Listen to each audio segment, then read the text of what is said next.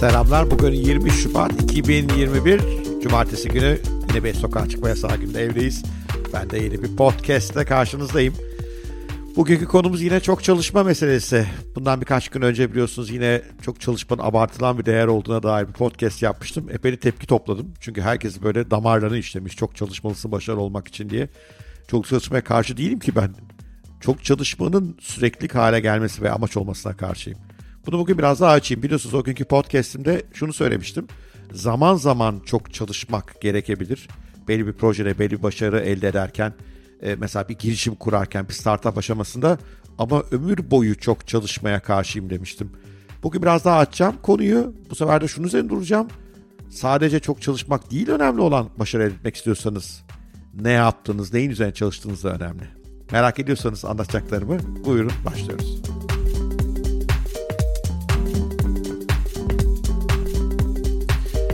Şimdi e, çok çalışmanın toplumda bir karşılığı olduğu kesin. Yani herkes başarıyla çok çalışma arasındaki ilişkinin çok kuvvetli olduğunu inanıyor.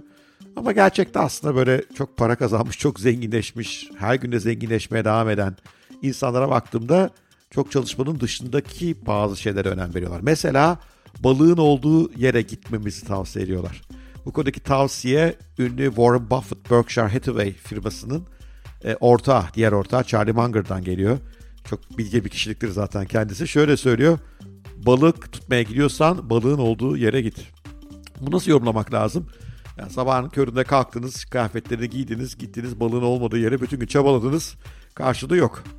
Buna karşı balığın bol olduğu bir yeri gördünüz, canınız istediği anda oraya gittiniz, oltanızı attınız çok büyük ihtimalle başarılı olacaksınız. Yani illa çok çalışarak başarılı olmak diye bir şey yok. Bazen balığın bol olduğu yeri anlamak yeterli.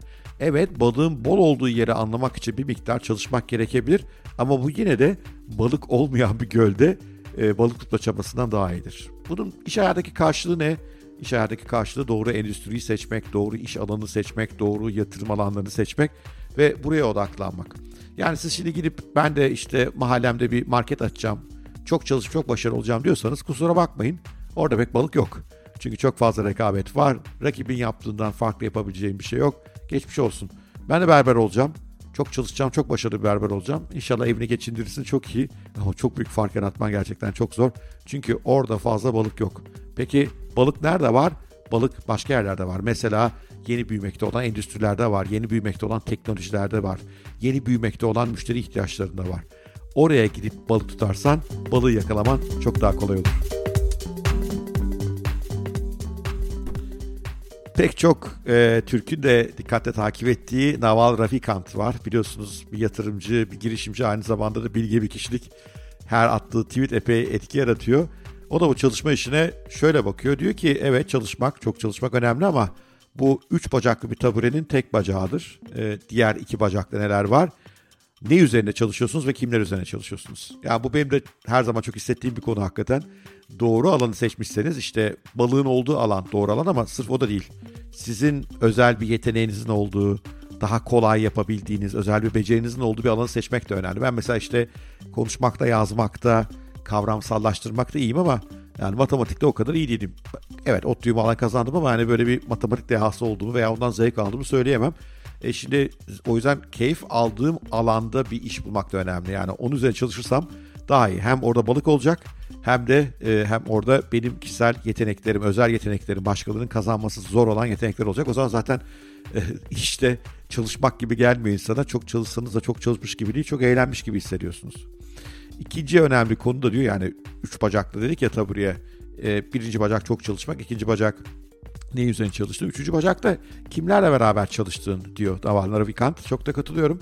Çünkü doğru bir takımla beraber çalışırsanız alacağınız sonuçlar yanlış bir takımla çalıştığınızda alacağınız sonuçlardan çok çok daha fazla. O yüzden doğru takımı seçiyor olmak yine çok çalışmanın tamamlayıcı bir unsur. O zaman e, kaldıraçlı sonuçlar almanız ve çok çok daha iyi performans çizmeniz mümkün hale geliyor. Diğer konu da çok çalışmakla ilgili neyi ölçtüğümüz. Yani iş yerlerindeki temel ölçüm aslında kaç saat orada kaldınız. Hatta bunu mesela şimdi uzaktan çalışmaya da taşıyanlar var. Hala yapılmaya çalışılan şey kaç saat ekranın karşısında kaldı. Bunu kontrol eden şirketler bile var.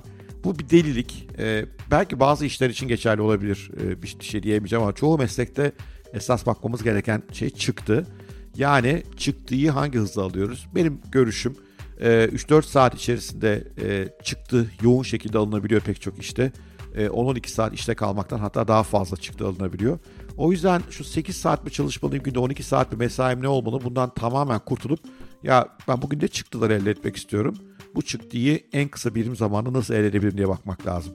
O zaman çok daha iyi bir yere geliyoruz. Yine Navarra Vikant'ın bu konuda 80 saatlik çalışma miti diye güzel bir paylaşımı var. O da diyor ki lütfen diyor sonuçlara bakın diyor. E, girdilere değil, kaç saat çalıştığınıza değil.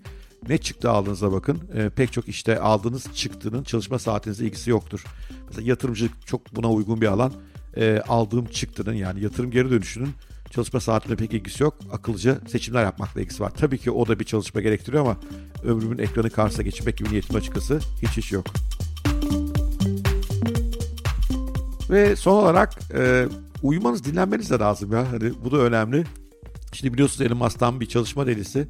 Hatta bir ara bu Model 3 üretim sırasında çalışma saatlerinde de mesela sapıtmıştı. Fabrikada yatıp kalkıyordu. Fotoğraflarla paylaşıyordu. O geçenlerde yapılan bir röportajda dedi ki yok yok dedi. 6 saat uyumak lazım en azından. Öbür türlü gün içerisindeki verimliliğim azalmaya başlıyor onu fark ettim dedi. Ya sonuçta arkadaşlar biz motor değiliz, makine değiliz ki motor makinelerin de dinlenmeye değil mi? Bakımların yapılması ihtiyacı var. Biz dinlenmeliyiz yani. Keyfini çıkarmalıyız hayatında. O yüzden şöyle işte ben sabah erken kalkmayı çok seviyorum ama sonra günün gerisi çalışmadığım için öyle yapıyorum. Sabah 5'te var ama sabah 5'te kalkıp gece 12'ye kadar çalıştım. İşte acayip çalıştım. Değil. Muhtemelen çıktı kalitenizde bir düşme var. Muhtemelen kendinizi yıpratıyorsunuz. Veyahut da belki kısa vadede e, çalış çıktığınız da iyi olsa uzun vadede aslında kendinizi öyle bir yoruyorsunuz ki sürdürülebilir olmayan bir yolculuğa girmiş durumdayız. Evet, birisi size gelip başarı mısırı çok çalışmak diyorsa lütfen ona bu bugün anlattığım e, şeyleri hatırlatın. Bir sürü bilge insan, çok iyi sonuç almış insanın e, sonuçları bunlar. Charlie Munger, e, işte Warren Buffett'ın ortağı Berkshire Hathaway'de dünyanın en e, karlı, e, en e, iyi yatırımcılarından bir tanesi. Naval Ravikant muhteşem başarılı bir iş insanı. E, ben de fena sayılmam. Siz benim tavsiyemi dinleyin şu çalış, çalışma şeyine bu kadar kaptırmayın kendinizi. Neyin üzerine çalıştığınızı, kimin üzerine çalıştığınıza bakın. Ee, çalıştığınız endüstrinin doğru endüstri olmasını seçin. Doğru balığın olduğu yeri seçin. İşte podcast'te anlattıklarım üzerinden bir gitmenizi tavsiye ederim. Sevgiyle kalın, hoşça kalın. Görüşmek üzere diyorum arkadaşlar.